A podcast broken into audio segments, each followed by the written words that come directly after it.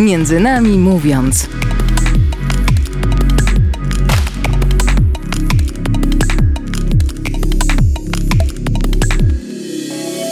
Dobry wieczór. Tu audycja Między nami mówiąc przed mikrofonem Monika Czajka. Spotykamy się w nowym 2023 roku. Jest to czas refleksji nad tym, e, co za nami, ale też takich przemyśleń i e, planów na kolejne 12 miesięcy. My, Polacy, mamy to szczęście, że bez większych obaw możemy planować swoją przyszłość. Niestety wśród nas są osoby, które od wielu miesięcy trwają w pewnym zawieszeniu i tak naprawdę nie do końca mogą e, powiedzieć, wiedzieć, co dalej. W lutym ubiegłego roku rozpoczął się atak Rosji na Ukrainę. Nasi sąsiedzi zaczęli szukać schronienia w sąsiednich krajach, a Polacy okazali im bardzo dużo serca i empatii. W województwie zachodniopomorskim, w którym e, teraz się znajdujemy, również pomagaliśmy i tak naprawdę cały czas pomagamy uchodźcom z Ukrainy, a jedną z wielu osób zaangażowanych w pomoc jest pastor Kościoła Bożego, Adam Ciućka, który jest moim i Państwa dzisiejszym gościem. Szczęść Boże. Szczęść Boże, dobry wieczór. Pastor Adam pomagał znaleźć domy, a także rodziny, no przede wszystkim rodziny, które mogą pomóc uchodźcom z Ukrainy, mogą ich przyjąć, głównie tutaj na terenie powiatu świdwińskiego i okolic, ale oprócz tego wyruszył w głąb kraju, w głąb Ukrainy i, i to nie jeden raz. I tam pomaga i co też mnie cieszy, relacjonuje to, co robi. E, pastorze, kiedy był ten pierwszy wyjazd i dlaczego w ogóle pastor zdecydował się pojechać?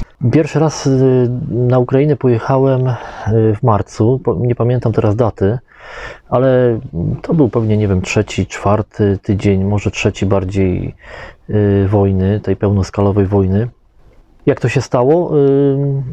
Stało się to tak, że organizowaliśmy zbiórkę taką rzeczową w szkole podstawowej numer 2 w Świdwinie, gdzie sporo rzeczy dla tych naszych, naszych uchodźców tutaj z, z terenu powiatu świdwińskiego, którzy, którzy tutaj przyjechali, i potrzebowali też wsparcia takiego właśnie materialnego. No i tych rzeczy było naprawdę na tyle dużo, że mm, niektórzy z tych uchodźców zaczęli y, sami organizować też pomoc, którą chcieli wysłać do, do Łódzka w Ukrainie. Mm, załatwili samochód, załatwili sprzęt dla, mm, czy, czy, czy, czy pomoc, którą chcą po prostu tam wysłać. Kiedy już wszystko było gotowe, okazało się, że trzeba jeszcze tylko znaleźć kierowcę, który to zawiezie. Nie? No i w takich sytuacjach ja już wiedziałem, że to będę musiał być ja. No i tak się stało oczywiście. E, a że nie byłem, ten, w życiu nie byłem w Ukrainie. Zawsze wydawało mi się, to, że to jest strasznie daleko i dla mnie za daleko. No ale wtedy pierwszy raz pojechałem e, tym samochodem do, e, skontaktowałem się z takimi przyjaciółmi z, z, z takiej warszawską, z warszawskiej fundacji Kordon, która działa na terenie Ukrainy, no bo miałem pewne obawy, nie wiedziałem jak tą granicę dobrze tam przekroczyć, czego się spodziewać, sam za bardzo nie chciałem jechać. E, no i wydarzyło się tak, że mm, zepsuł mi się samochód pod Warszawą. Ten pierwszy raz jadę, zadzwoniłem do, tej, do, do Warszawy do tych przyjaciół. Oni szybko zorganizowali jakiegoś busa, posłali tego busa po mnie, przeładowaliśmy ten towar, no i pojechałem z nimi. E, pojechałem z nimi, pojechaliśmy do Łódzka, i wróciliśmy na granicę, dlatego że to była taka fundacja, która to był, to był sam początek wojny, y, drugi, trzeci tydzień ciągle była taka panika, ludzie uciekali masowo po prostu z Ukrainy w, w, tutaj na zachód, do Polski. Na granicach y, działy się danteńskie sceny. Po, na granicy, na przejściu granicznym w Korczowie, to jest takie przejście piesze, gdzie ludzie mogą pieszo przechodzić. Po prostu przewalały się tłumy ludzi, matek z dziećmi y, i ta fundacja dostała od straży granicznej, od, y, od celników właściwie ukraińskich, taki domek po stronie ukraińskiej już mhm. granicy Wiadomo, ta granica, tam jest dużo takiej infrastruktury jeden domek po to, żeby zrobić punkt pomocy po prostu humanitarnej dla tych kobiet, które idą ze strony ukraińskiej, dlatego że tam tak te przejście było trochę niefortunnie zorganizowane, że, że te auto, autokary podjeżdżały z tymi ludźmi do granicy, ci ludzie się wysypywali i potem musieli gdzieś tam około kilometra iść aż do, aż do, do, do przejścia granicznego i na drodze, e, no właśnie tam był taki domek, gdzie można było wziąć słodycze, jakieś jedzenie, mhm. napić kawy, herbaty. Byli wolontariusze z Polski, którzy po prostu pomagali, no nie wiem, nosić torby tym, tym kobietom, ty, tym dzieciom. E, no i kiedy tam zajechałem, zobaczyłem te, te, te tłumy ludzi po prostu, taki przygnębiający obraz ludzi, którzy idą w takim kordonie, y, same matki, dzieci płaczące, wszyscy przestraszeni, z tobołkami. I wiedziałem, że muszę tam zostać, że nie mogę sobie po prostu wrócić do, do, y, do ciepłej, dobrej, wygodnej Polski, tylko muszę tam zostać. Zresztą nie miałem wyjścia, bo zostałem bez samochodu tam, przypominam, na tej granicy byłem uzależniony od tych moich znajomych. E, no i zostałem tam na kilka dni na tej granicy. Nie? Nasze, no, nie, okazało się, że potem, że nie na granicy, tylko niektóre samochody z pomocą humanitarną docierały tylko do, do, do granicy. Bali się kierowcy dalej jechać, więc były przeładowywane, a myśmy wtedy tą humanitarkę brali i, i, i, i jechali dalej e, w głąb, w głąb Ukrainy. No i po, po, po kilku dniach, kiedy wróciłem do domu, wiedziałem, że e, no muszę tam wrócić. E, to nie mogę żyć dalej, udawać, czy, czy, czy, czy, czy zapomnieć o tym wszystkim, co widziałem, zapomnieć tej atmosfery e, wojennej, która, która tam wtedy była i, i, i muszę tam wrócić jak najszybciej. No i, i tak wracam. I od tego czasu właśnie bardzo często jest e, pastor mhm. na granicy. Z jaką częstotliwością teraz mhm. jeździ pastor do Ukrainy?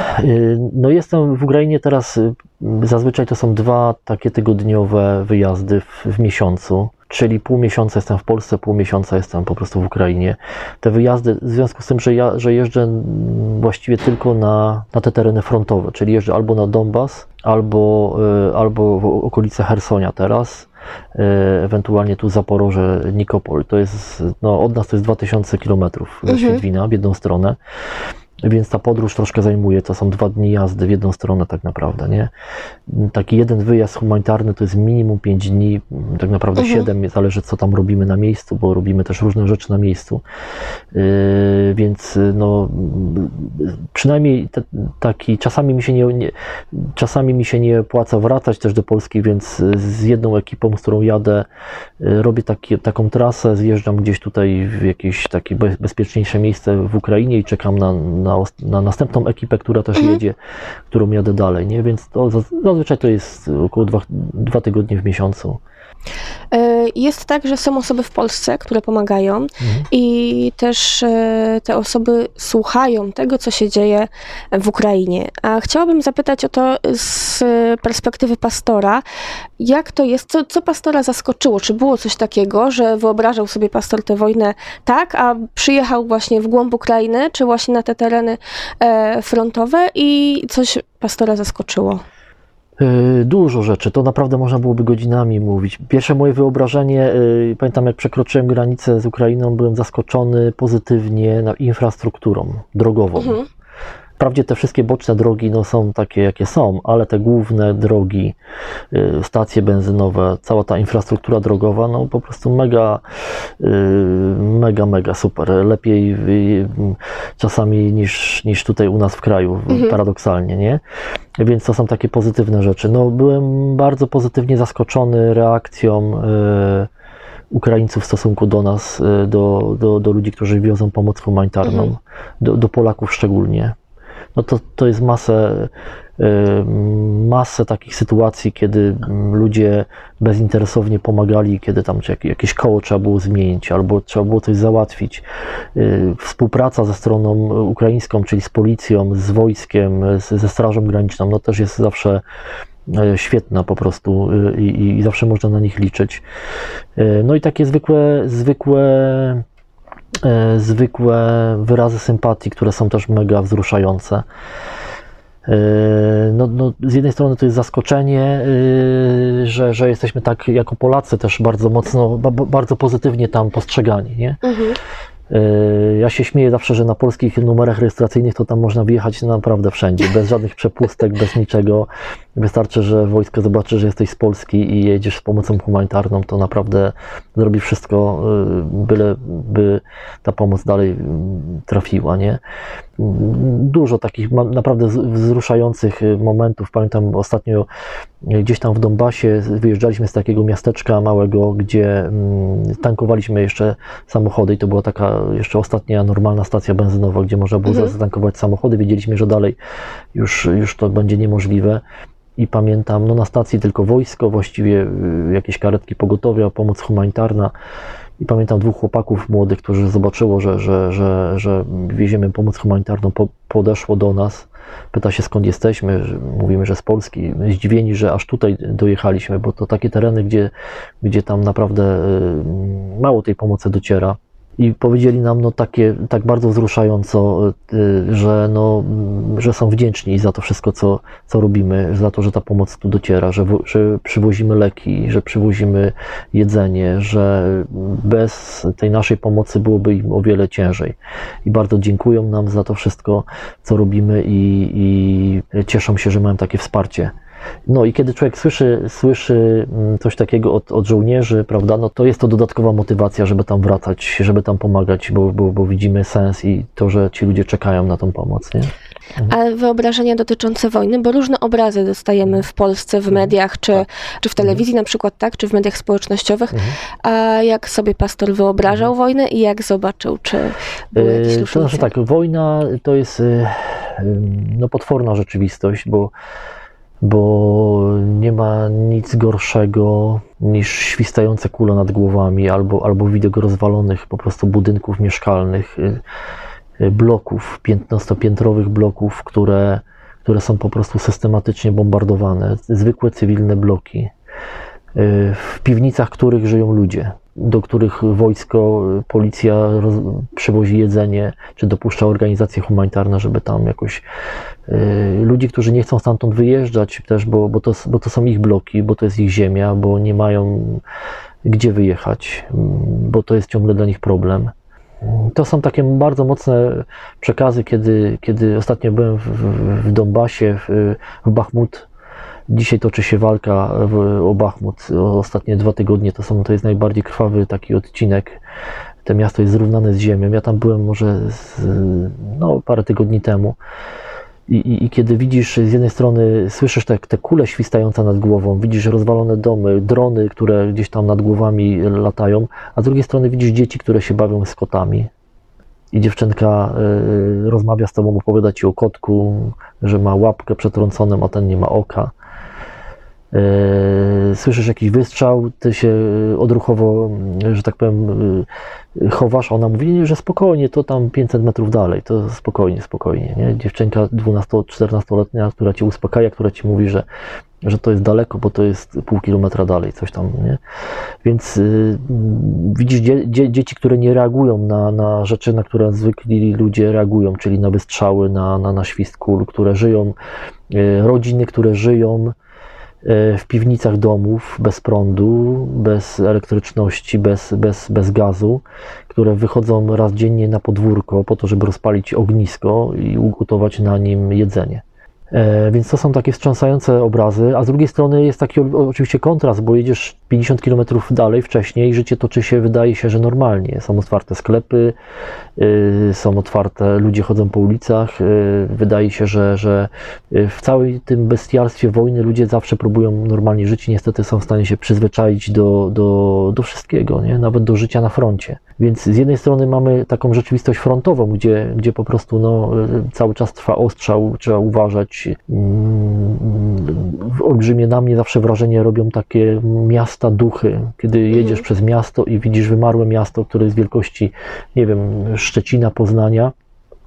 Na ulicach nie ma samochodów, gdzie niegdzie są tylko ludzie, po mieście jeździ tylko wojsko wszystko jest zabite deskami, żeby, żeby odłamki y, nie, nie, nie uszkodziły okien, szyb y, mieszkań.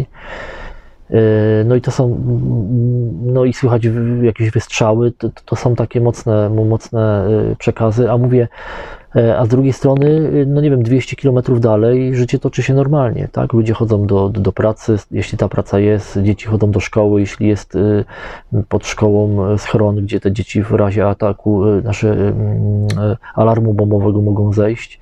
Życie pozornie wygląda normalnie, nie? Więc taki świat kontrastów i tego, że ludzie, i tego, że ta wojna jest taką codziennością dla tych ludzi już, mhm. nie? A właśnie, jacy ludzie zostają? Znaczy, jacy ludzie zostali y, w Ukrainie?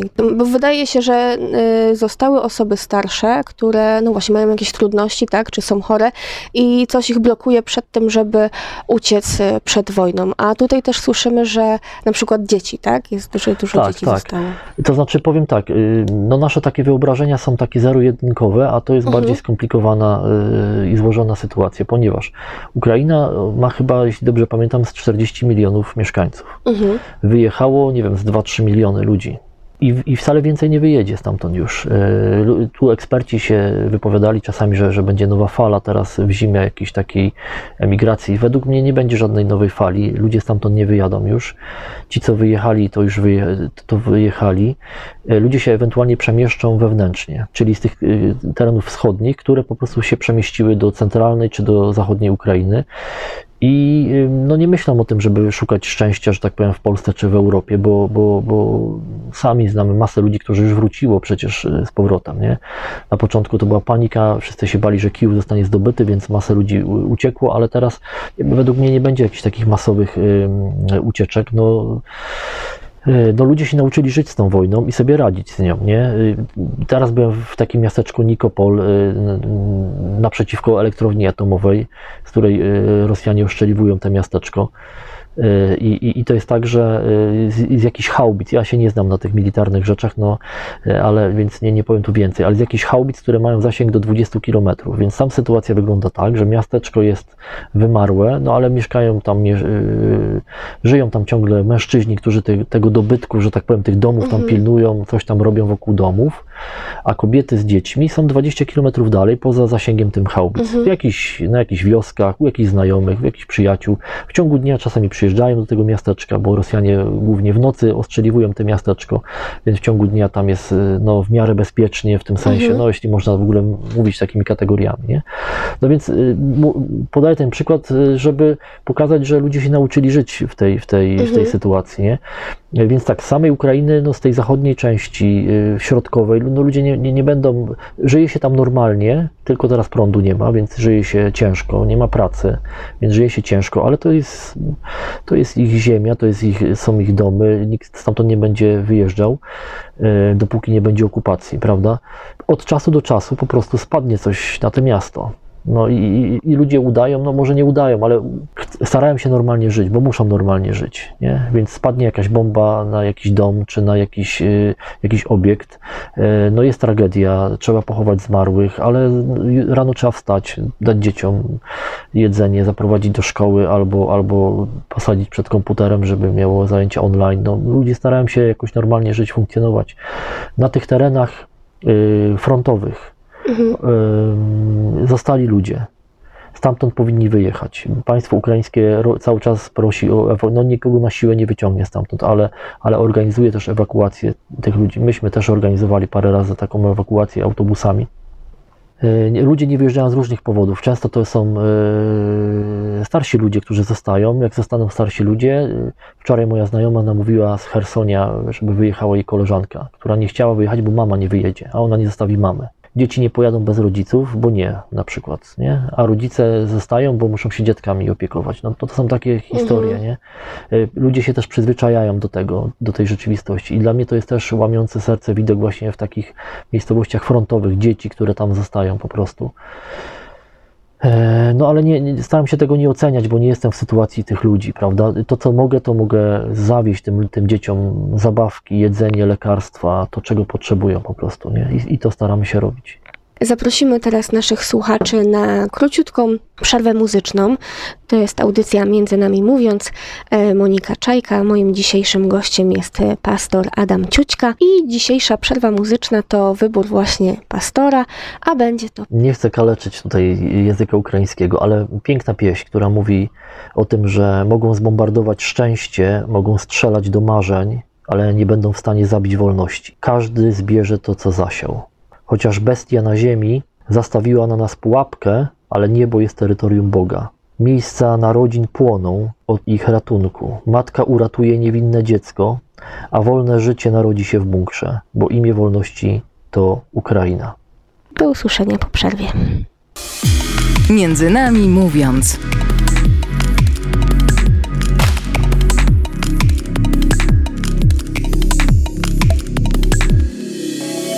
Wracamy po króciutkiej przerwie muzycznej. Tu, aud- tu audycja Między Nami Mówiąc przy mikrofonie Monika Czajka. Moim i Państwa dzisiejszym gościem jest pastor Adam Ciućka, który można powiedzieć, że regularnie wyjeżdża w głąb Ukrainy, by tam nieść pomoc potrzebującym. Rozmawialiśmy sobie przed przerwą o tym, jak wygląda y, sytuacja w Ukrainie, kto zostaje.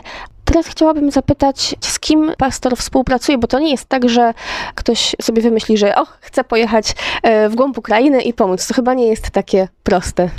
A powiem przewrotnie, że jest i może to zrobić każdy. Mhm. Naprawdę. Te procedury są bardzo proste, jeśli chodzi o przekraczanie, o wyjazd z pomocą humanitarną. Trzeba mieć odbiorcę po, po stronie ukraińskiej. Trzeba Mhm. do, do jakiejś konkretnej organizacji, czy kościoła, czy, czy, czy, czy miasta, czy punktu po prostu przywieźć, nie? zadeklarować co i tak naprawdę każdy obywatel świata, że tak Mhm. powiem, może wziąć samochód, może go zapakować jakimiś rzeczami i, i, i, może pojechać. Nie? Ja e, oczywiście jeżdżę z różnymi organizacjami.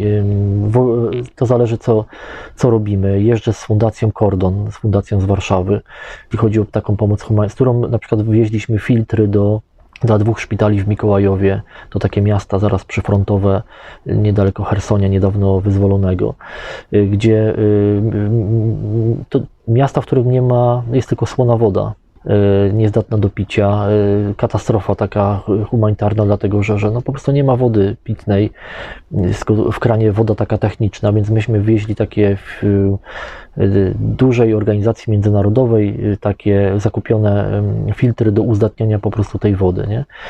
Y, I instalowaliśmy je tam przy szpitalach, y, w, w, dwóch szpitalach w, Mikołajowie.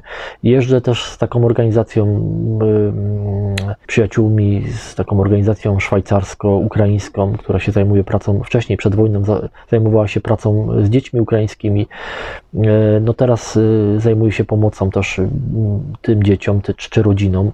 Ostatnio, wo, y, ostatnio oprócz agregatów prądotwórczych, które zostawialiśmy w, w kościołach, po to, żeby te kościoły, w których tworzy, no, były takie punkty, gdzie ludzie sobie mogli przyjść z, nie wiem, z telefonami komórkowymi, z powerbankami, żeby je Mhm. doładować, tak?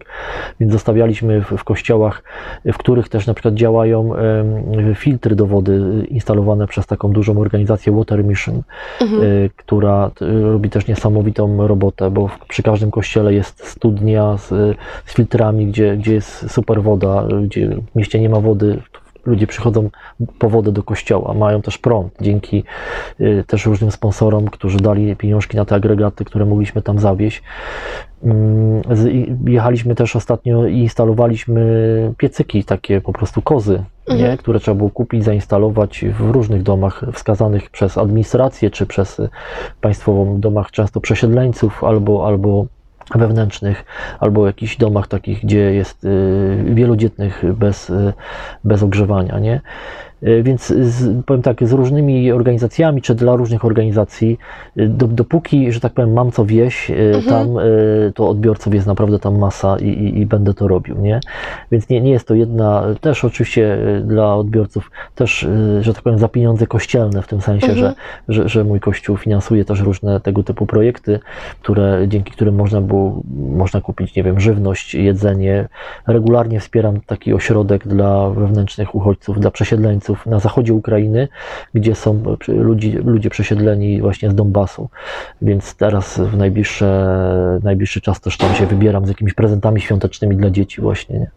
No właśnie, bo też y, my Polacy dostajemy te informacje, że no można by było powiedzieć, że to nasz kraj y, dużo pomaga, ale przecież nie tylko Polacy, ale tak naprawdę cały świat, bo tutaj pastor wspominał, że jest organizacja szwajcarsko-ukraińska, z którą współpracuje. Przed nagraniem jeszcze mówiliśmy sobie o pewnej pomocy ze Szwecji. O tym też chciałam, żeby Tak, tak. pastor wspomniał. Tak, to znaczy powiem tak. ym, Teraz ja niestety mam wrażenie, że tej pomocy jest strasznie mało. Na, na początku wojny, na, na przejściach granicznych można było spotykać masę samochodów z pomocą humanitarną. Nie?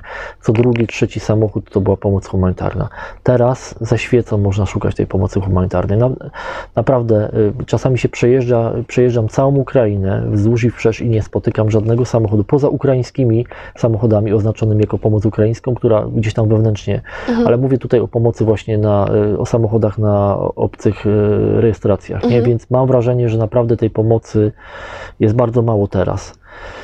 Ale z- a z drugiej strony, no tak, ja, ja jeżdżę też y, dzięki pomocy kanadyjskiej, dzięki Mhm. pomocy szwajcarskiej, co za, y, wioząc tam rzeczy, materiały potrzebne na Ukrainę zakupione przez różne organizacje czy kościoły właśnie. Ale teraz, ale to są też takie fajne kontakty, kiedy, kiedy ludzie wiedzą, że jadę, czy jeżdżę, szukają odbiorców. Ktoś ostatnio zgłosił się do mnie, na przykład jakiś Szwed, który zorganizował zbiórkę, ma 20 agregatów, y, kupili samochód y, y, Straży Pożarnej, tak, taki mały, ale wyposażony, no i, i chcą to na Donbas, prawda, gdzieś tam zawieźć, nie, więc, więc to, są, to jest masa też takich inicjatyw. Kiedyś zgłosił się do mnie dyrektor pewnego banku też z, z, z, z ofertą pomocową, że chciałby pomóc jakoś tam długofalowo i też mogliśmy zorganizować jakąś taką fajną pomoc, y, mm, chociażby mm, no, no dużo, dużo tego typu inicjatyw, które, które miały miejsce. Nie wiem, jakiś y, kiedyś y, razem żeśmy jechali z, z takim przyjacielem, znaczy nie przyjacielem dzisiaj dla mnie, bo jak się jedzie, jak się jest na wojnie, że tak powiem, pięć dni z kimś w trudnych sytuacjach, to, to potem te więzi są naprawdę takie trwałe, ale poznałem chłopaka, który z Francji przywoził leki dla jednego szpitala szpitala woje, e, wojskowego gdzieś tam pod Kramatorskiem, e, więc też e, wiadomo sam w obcym kraju, no, no, mm, więc to jest często tak, że, że, że jest gr- grupa przyjaciół czy, czy, czy ludzi, znajomych, którzy jeżdżą w takie tereny i wymieniamy się informacją, kto jedzie, kiedy, gdzie i, i często Mhm. no, jakieś nowe osoby, czy y, które też organizują pomoc, y, wiadomo, samemu jechać w takie tereny to jest niezbyt rozsądna sytuacja, więc, więc często to są takie łączone trochę wyjazdy, nie? Mhm. Różnych organizacji e, z różnymi rzeczami w różne punkty, nie? E, No właśnie, na początku grudnia montowaliście piecyki, tak jak już pastor wcześniej w, wspominał, agregaty. No i słyszałam, że pastor wybiera się na e, ten okres świąt prawosławnych, tak? Czyli tutaj mamy 6 stycznia. Jak, z jaką pomocą teraz Mhm. planujecie tam jechać? Mm, Teraz to taki trochę, ja się śmieję, że taki lajtowy wy- wyjazd. Właśnie mm, widzę, że kolega jeden tutaj, z którym jadę, ma już jakieś pomysły, bo tuś tam wydzwania do mnie, ale nie odbieram, bo z Państwem rozmawiam, więc zobaczymy, jak to się skończy. Ale jedziemy głównie tak naprawdę tutaj na zachód Ukrainy, zawieźć prezenty świąteczne. To jest taki główny cel, ponieważ mamy mm, te, te prezenty już y, przygotowane, takie sperso- spersonifikowane te prezenty dla poszczególnych dzieci, które pisały listy do świętego Mikołaja, Mhm. no i właśnie robię za renifera. Teraz, będę, będę robił za renifera i, i wiózł te, te rzeczy. Mm, y, i też odwiedzimy drugi taki, też tu na zachodniej Ukrainie, tylko troszkę dalej, trochę może w głąb Ukrainy bardziej. Nie chcę celowo po, po, po, podawać nazw tych miejscowości, no tak się utarło, ci ludzie też często nie chcą, uciekli, z, Mhm. uciekli że tak powiem, spod ostrzału i, i też y, no, zostaje w nich to, że nie chcą podawać danych, y, proszę, żeby nie robić y, y, zdjęć, proszę, żeby nie, nie, nie podawać y, miejscowości, gdzie są teraz, nie? Y, Więc, więc dlatego też nie mówię, ale to są takie tutaj, mm, ten, ten wyjazd siódmego zapowiada się tak, no taki na spokojnie, że tak Mhm. powiem, nie? Bo zazwyczaj jeżdżę na te tereny frontowe teraz dla odmiany tutaj bardziej na zachód Ukrainy, czy, czy, czy, czy ten, centralna Ukraina, nie? Chciałabym teraz zadać takie pytanie nieco bardziej osobiste. Ma pastor rodzinę, ma pastor wspólnotę. Tutaj jest y, dużo obowiązków, y, że tak powiem, lokalnych, y, jeżeli chodzi o, o Świdwin i okolice. No a właśnie, mamy tutaj tą pomoc humanitarną Ukrainie.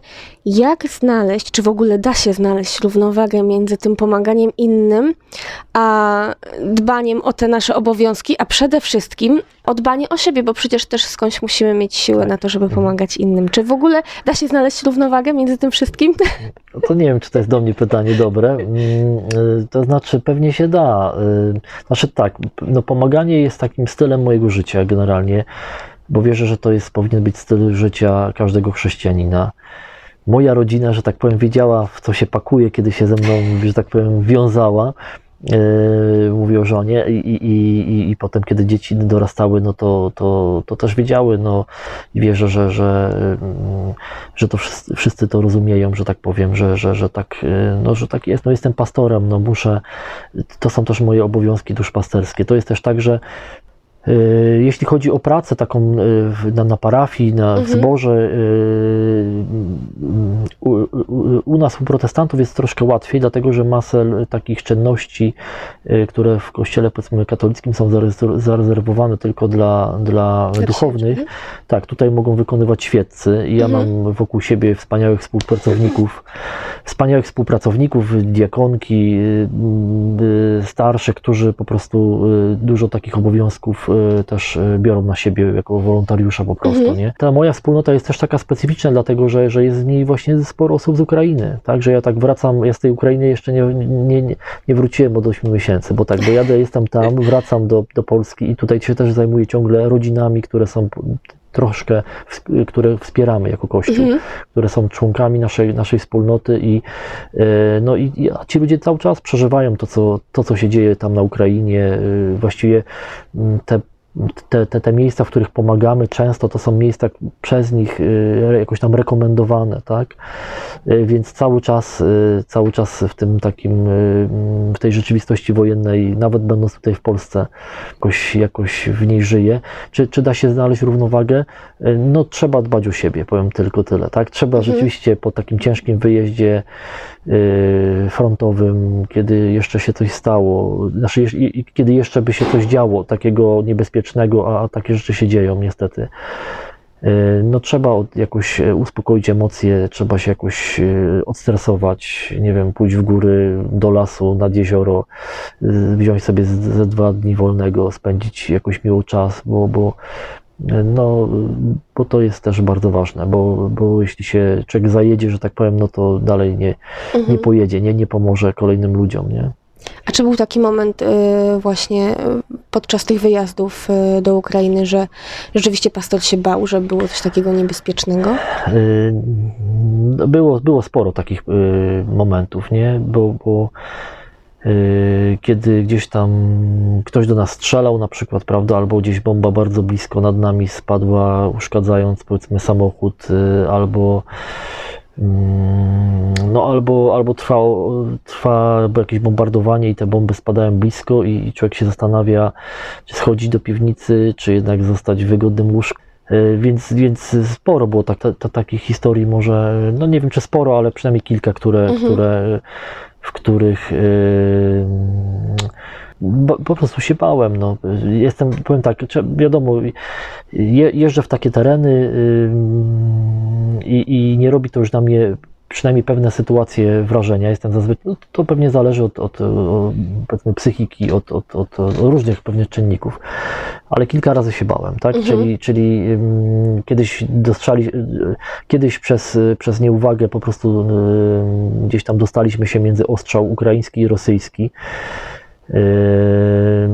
No i trzeba było wracać yy, taką drogą, która wojsko nam powiedziało, że chyba nie jest zami- zaminowana, ale chyba. Yy, I gdzieś tam, gdzieś tam słychać yy, eksplozję. Okazuje się, że, że, że, okazuje się, że, że wybór tej drogi to nie był dobry pomysł, nie? Więc za bardzo się wycofać nie można, bo, bo duże samochody, droga polna, no Mhm.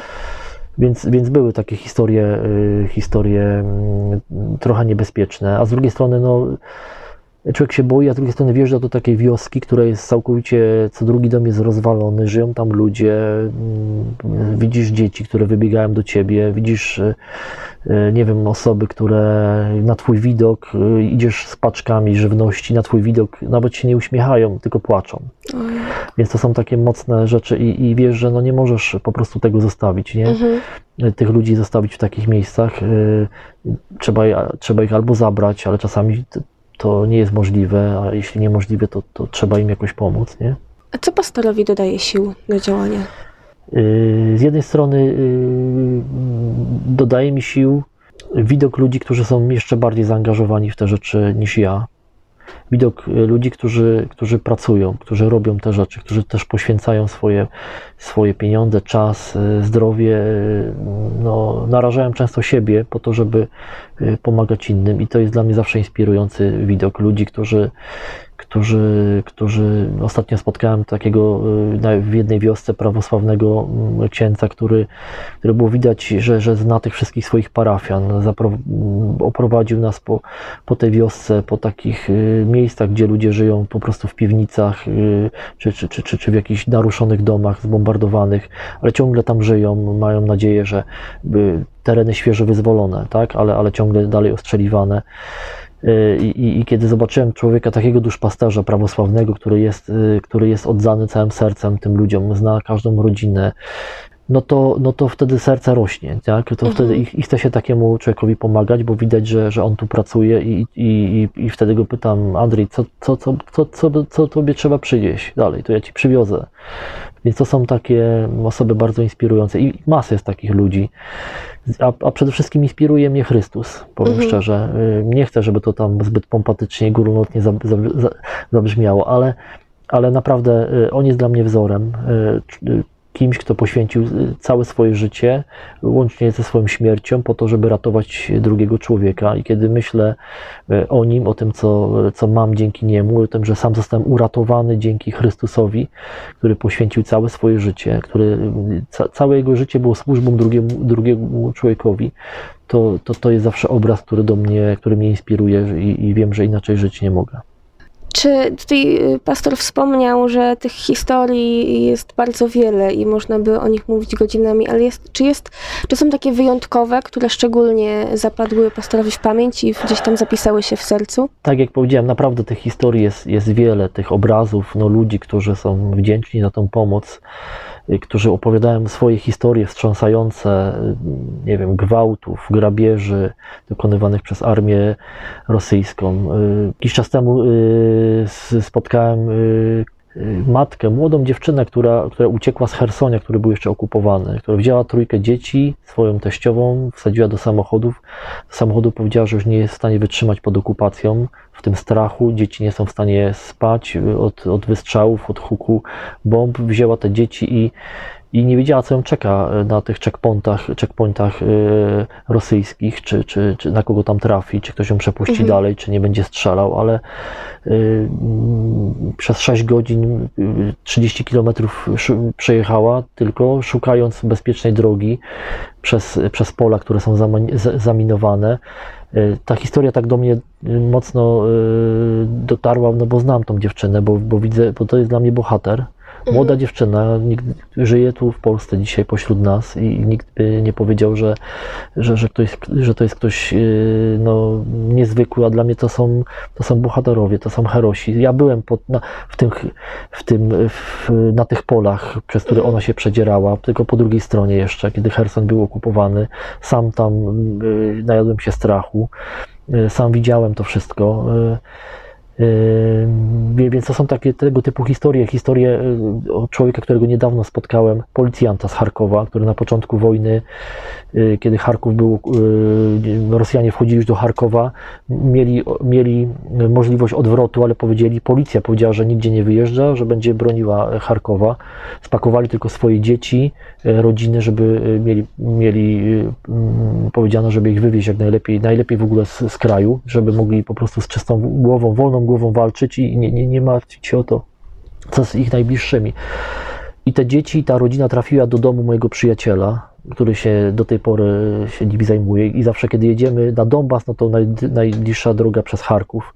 No i zawsze zajeżdżam do tego policjanta, który, który jest pełen wdzięczności za to, że jego rodzina jest bezpieczna w Polsce, który y, tam, gdzie żyje, żyje w blokowisku, gdzie jest schron, gdzie dzieci w nocy y, przychodzą, do, żeby tam spać. Y, kiedy pokazał mi ten schron, te dzieci, ich twórczość, ich rysunki, normalne dzieci kredkami, jak się nudzą, nie ma światła, to rysują no, różne rzeczy, ale nie płonące czołgi czy bitwy samolotów, nie? I, i, i ten policjant, który mm, który powiedział nam no, rzecz mocną dla mnie osobiście na, na, na koniec ostatniej naszej wizyty, że bardzo jest wdzięczny że, za, to, co, za to, że jego rodzina jest, wdzięcz, jest bezpieczna i powiedział tak, on nie był człowiekiem wierzącym, ale, ale y, pomagać, pomagać, y, pomaga się swoim zazwyczaj a kiedy widzi, że myśmy przygarnęli jego rodzinę, to wie, że Bóg chyba musi istnieć, że ktoś robi coś bezinteresownie. Kiedy przywozimy mu, nie wiem, agregat prądotwórczy tam do, do tej piwnicy, żeby tam był prąd przynajmniej, to, to, to, to on płacze, bo wie, że, e, że nie robimy to, że to nie jest żaden interes z naszej strony. Mm, I, i mówi, jeśli teraz wiem, że Bóg chyba musi istnieć, bo, bo jeśli ktoś y, pomaga w tak bezinteresowny sposób i ktoś troszczy się o jego rodzinę najbliższą i on może tu walczyć, to wie, że, że, że, że, że, to musi być y, że to musi być coś mocnego, nadprzyrodzonego, co, co uzdalnia ludzi do tego, żeby, żeby nieśli pomoc innym ludziom. Nie? Więc takie historie, których mówię, no, no, no jest masę, y, też dają inspiracji, siły y, do tego, żeby dalej pomagać, żeby dalej tam jeździć, żeby dalej uratować tych, których się da uratować i, i zanieść pomoc tym, którym możemy pomóc. Wiadomo, że pomoc humanitarna jest taką właśnie nadzieją dla tych osób, które cały czas y, mieszkają w Ukrainie. No i to, jest, to są takie małe radości gdzieś tam, które ich spotykają. Czy właśnie oprócz tej pomocy humanitarnej, czy są jeszcze takie iskierki nadziei w Ukraińcach? Są tereny w Ukrainie, y, mówię o tych terenach przyfrontowych, gdzie ludzie żyją tylko z pomocy humanitarnej. Mhm. Tak, nie działają żadne biznesy, żadne fabryki. No po prostu ludzie żyją z tego, co dostaną i ze swojego ogródka. Na szczęście Ukraińcy to są mistrzowie w, w, w, w zapasach y, i, i, mają różne przetwory, słoiki i tak dalej.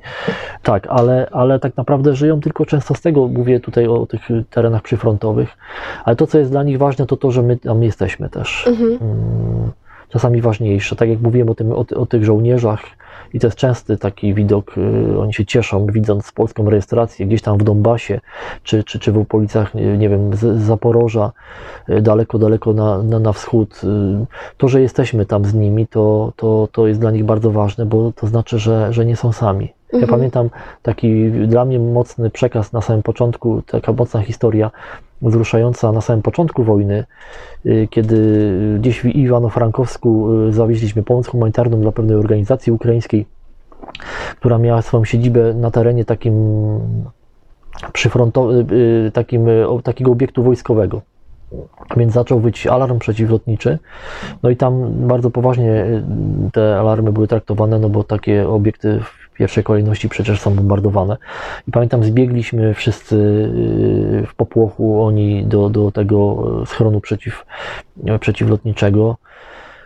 E, czekaliśmy na odwołanie, czekaliśmy na to, co się będzie działo, czy będzie ten alarm odwołany, czy coś spadnie i wszystko było dobrze. Na szczęście nie zbombardowano tego obiektu. Wyszliśmy stamtąd po odwołaniu alarmu i jedna z tych kobiet yy, właściwie powiedziała coś, co do dzisiaj we mnie zostało.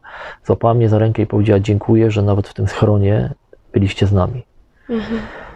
I myślę, że to jest bardzo ważne, że, że oni widzą, yy, że nie są sami na tej wojnie, że mają ludzi, którzy, którzy, którzy tam są, którzy przywożą tam rzeczy, no, którzy po prostu są z nimi. To jest bardzo ważne, żeby być e, z ludźmi w ich, w ich problemach, w trudnych, sytuacji, w trudnych sytuacjach. To daje nadzieję tym ludziom. Mhm. No właśnie, jak już wcześniej wspomnieliśmy, zbliżają się prawosławne święta, które są obchodzone przez dużą część naszych sąsiadów z Ukrainy. E, życzenie pokoju jest takie oczywiste i można by było trochę powiedzieć, że banalne w tej sytuacji. Czego jeszcze możemy życzyć rodzinom z Ukrainy, które żyją w ciągłej niepewności? No myślę, że, że, że chyba trzeba im życzyć przyjaciół, czyli e, żeby na swojej drodze e, spotykali naprawdę przyjaciół, którzy będą dla nich wsparciem. Mm, myśmy się w Polsce i też w Europie powoli już przyzwyczaili do tej, do tej wojny, do tej sytuacji. Ona już na nas nie robi takiego wrażenia jak na początku. To jest naturalne z jednej strony, ale z drugiej strony Pamiętajmy, że ta wojna się nie skończyła i że ci ludzie zawsze ciągle potrzebują wsparcia. Być może dzisiaj to nie, nie są już pieniądze potrzebne, jak, jakieś nie wiem, konserwy czy, czy makarony, które zbieraliśmy na samym początku. Mówię o uchodźcach mhm. tutaj w Polsce, nie? Chociaż y, wbrew pozorom to ciągle jest potrzebne. Potrzebują życzliwości, potrzebują poczuć tutaj na miastkę domu, potrzebują y, być wysłuchani, potrzebują oni ciągle żyją, mówię o uchodźcach przebywających w Polsce, oni ciągle żyją tą Ukrainą. E, tym, co się dzieje, to jest też naturalne, co się dzieje z ich mężami, z ich rodzinami, które często są w terenach niebezpiecznych. Y, I pamiętajmy, że, że, że oni potrzebują ciągle wsparcia takiego duchowego, potrzebują modlitwy, potrzebują e, po prostu wiedzieć, że mogą na nas liczyć, tak? Że nie zostali tutaj sami w obcym kraju, w, w obcej rzeczywistości, y, w miejscu, gdzie być może ludzie nie chcą ich, tak? Y, są nie, nie, niemile widziani, a takie sytuacje też się przecież zdarzają potrzebują wsparcia, nie wiem, wynajęciu mieszkania często, tak? Polacy nie chcą tego robić, nie? W zwykłych sprawach, w załatwieniu zwykłych spraw. Y, a jeśli chodzi o, o, o, Ukraińców, którzy żyją tam na Ukrainie, też oni też potrzebują przyjaciół, oni potrzebują ludzi, potrzebują ludzi, którzy potrzebują mieć świadomość, że, że mają przyjaciół w Europie, na świecie, że nie zostali tam sami. I tego im gorąco życzę, żeby mieli przyjaciół, którzy, którym się nie znudzi ta wojna, dopóki ona trwa, którzy będą dla nich wsparciem cały czas w tej trudnej sytuacji, e, którzy się nie znudzą no, tą rzeczywistością, bo nagle, nie wiem, są rzeczy bardziej ekscytujące, prawda? A tak często działamy, ale, ale nie róbmy tego. Apeluję tutaj do, do, mhm. do, do, do Polaków, nie róbmy tego, bo, e, bo to jest tak, jakbyś miał, nie wiem, przyjaciela, który jest chory na raka i, i, i, i, i przestał być dla niego wsparciem, tak? Bo, no bo ci się znudziło, tak? Mhm okażmy się, okażmy się ludźmi, chrześcijanami w tej, w tej, w tej całej sytuacji. Ta, ta wojna cały czas trwa i, i ci ludzie cały czas potrzebują, e, potrzebują naszego wsparcia. Nie chcę używać wielkich słów górnolotnych, ale, ale wierzę, że oni walczą też e, tam dla nas. Tak? Być może to są argumenty, które trafią do niektórych z nas, z, za nas i, i, i dla nas. Nie? ale przede wszystkim okażmy się, okażmy się e, dla tych ludzi bliźnimi, tak? Mhm. czyli, czyli ludźmi, którzy, na których mogą liczyć.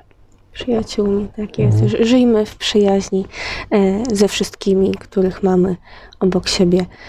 Pięknie dziękuję za inspirującą i też taką rozmowę, która pokazuje nam, jak to wszystko wygląda nieco, bym powiedziała, od środka. Pastor Adam też wrzuca bardzo dużo y, filmików czy właśnie zdjęć z tego, do kogo dociera ta pomoc humanitarna, jak wyglądają miasta, które y, są no, w dużej części, nie oszukujmy się, zniszczone. Dlatego ja z całego serca polecam obserwować e, pastora Adama właśnie, czy to na Facebooku, czy nawet pastor ma też TikToka i tam też to pomaga, myślę, nie tylko pastorowi dotrzeć do, do różnych osób, ale właśnie nam, żeby zobaczyć, jak to wszystko wygląda. Jeszcze raz bardzo serdecznie dziękuję za rozmowę.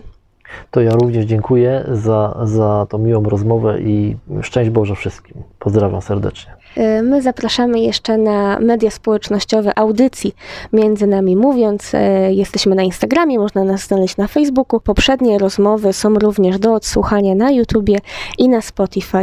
Państwa jeszcze zostawiamy z piosenką. Kolejnym wyborem pastora Adama będzie to również piosenka po ukraińsku. Tak, piękna piosenka ukraińska, która mówi o, o tej strasznej wojnie, ale też mówi o nadziei, y, o tym, że będzie jeszcze przepięknie, będzie jeszcze wspaniale. Zapraszam do posłuchania. I tym optymistycznym takim akcentem z nadzieją y, zostawiamy Państwa. Do usłyszenia za tydzień.